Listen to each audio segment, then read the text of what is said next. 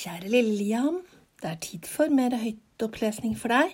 Og nå skal bestemor lese et svensk eventyr, og det heter Kvistmuntus hoboliantus abornesius. Det hørtes ganske vanskelig ut, så da starter jeg å lese. Det var en gang en konge som var urimelig lærd at ingen prest i hele verden kunne mere. Ja, han var så lærd at folk ikke kunne skjønne hva han sa, og ikke forsto han dem heller. For å ha noen å snakke med skaffet han seg syv vise mestere som ikke var så lærde som kongen.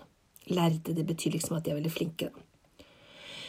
Men de var såpass at de kunne legge ut lærdommen hans for folket, og de kunne snu og vende på det folk sa, så det også ble så kunstig at kongen kunne forstå det. Kongen hadde ingen sønner, bare en eneste datter.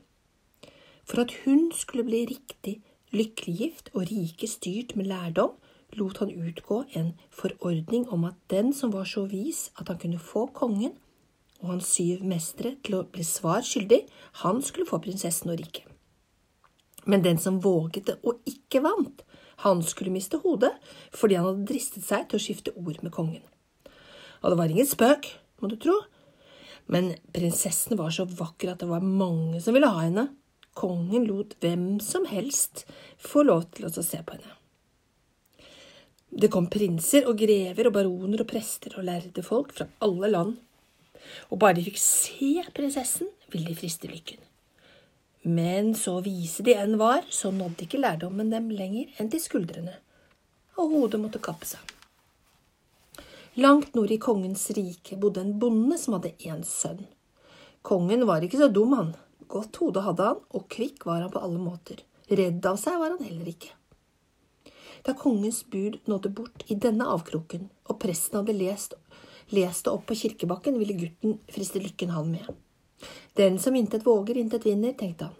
Så gikk han til presten og lovte å arbeide hele dagen hvis presten ville lese med han om kvelden. Men han ville bli så utlært at han kunne prøve en dyst med kongen og hans mestere. Den som skal skifte ord med dem, må kunne mer enn å tygge grøt, sa presten. Kan være det, sa gutten, men jeg vil nå friste lell. Nå ja, presten fikk seg jo billig arbeidshjelp, og så ble det til at gutten arbeidet om dagen og leste med presten om kvelden. Da det var gått en stund, ble gutten lei lesingen. Nei, men om jeg vil sitte her og miste det vesle vettet jeg har, sa han. Og ikke nytter det heller, for er lykken god, så kalver okse like snart som ku, og er ikke lykken med, blir det aldri kreatur av fe. Så slo han boka sammen og ga seg i vei. Rett som det gikk. Rett som han gikk, kom han til en stor skog. Der var det så tett med busker og trær at det var så vidt han kunne grave seg gjennom. Mens han slet med dette, tenkte han på hva han skulle si til de lærde menn på kongsgården, og hvordan han skulle bruke lærdommen sin. Rett som det var, slo en kvist ham på munnen så tennene skranglet. Det var kvistmuntus, det, sa han. En stund etter kom han til en eng. Der sto en ku og brølte så han nesten ble tunghørt. Det var kobeljantus, det, sa han og gikk videre. Jeg lurer på om han mente kubeljantus, ikke kobeljantus, men noen sier ko da istedenfor ku. Så vi sier kobeljantus. Men han gikk iallfall videre, da, Liam. Så kom han til en elv, men det var ingen bru, så han ble nødt til å ta klærne i en tull på hodet og svømme over.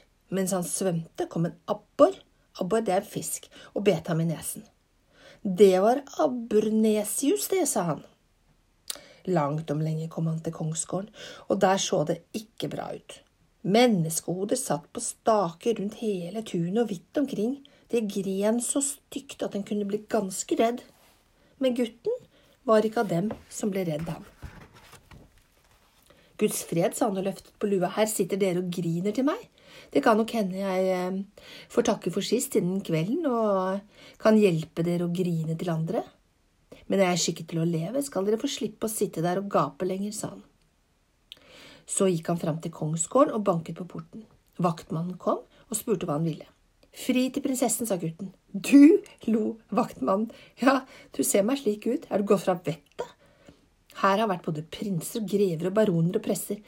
Alle har de mistet hodet for den fornøyelsen, og så tror du at du kan klare det?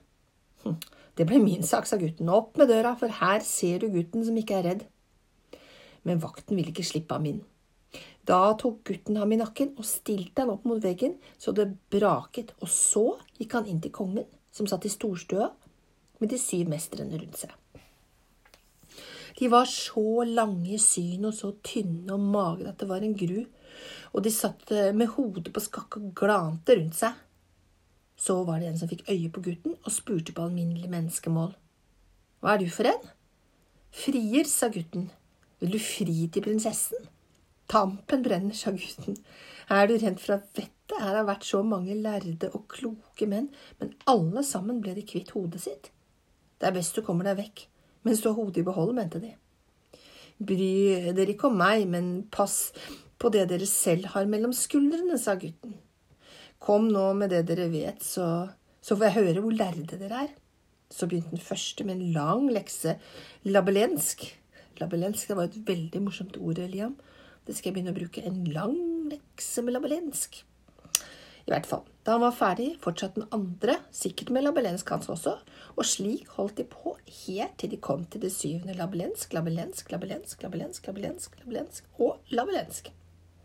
Gutten skjønte ikke et ord, men nikket med hodet så ja til alt sammen. Da den siste var ferdig, spurte han. Kan du svare oss på dette? Er det noen kunst, blåste gutten. Vri med munnen og skravle slik som dere. Det kunne jeg da, da jeg lå i vogga. Men siden dere er så lærde, skal dere få et spørsmål om meg. Og det er ikke langt heller. Quistmuntus, Kobeliantus, Abornednius, Abornesius. Kan dere svare på det? Nå kan du tro de strakte hals og viftet med ørene. Så satte de brillene på seg og begynte å grave i bøker. Men gutten stakk neven i bukselommen, og da han eh, så så freidig ut at de måtte lure på hvordan en så ung kar kunne være så lærd og enda se ut som alminnelige folk. Nå, hvordan går det? spurte gutten. Kan ikke lærdommen få munnen på glid hos dere, så jeg får svar på spørsmålet mitt? De tok til å gruble og grunne igjen. De kikket opp i taket og glante ut i lufta. Men jamn og svar, det ble de fri for. Det kunne ikke kongen selv engang, enda han var mye verre i lærdom enn alle de andre til sammen. De måtte gi seg, og gutten fikk prinsessen og det halve riket. Der styrte han, styrte han på sitt vis. Og gikk det ikke bedre?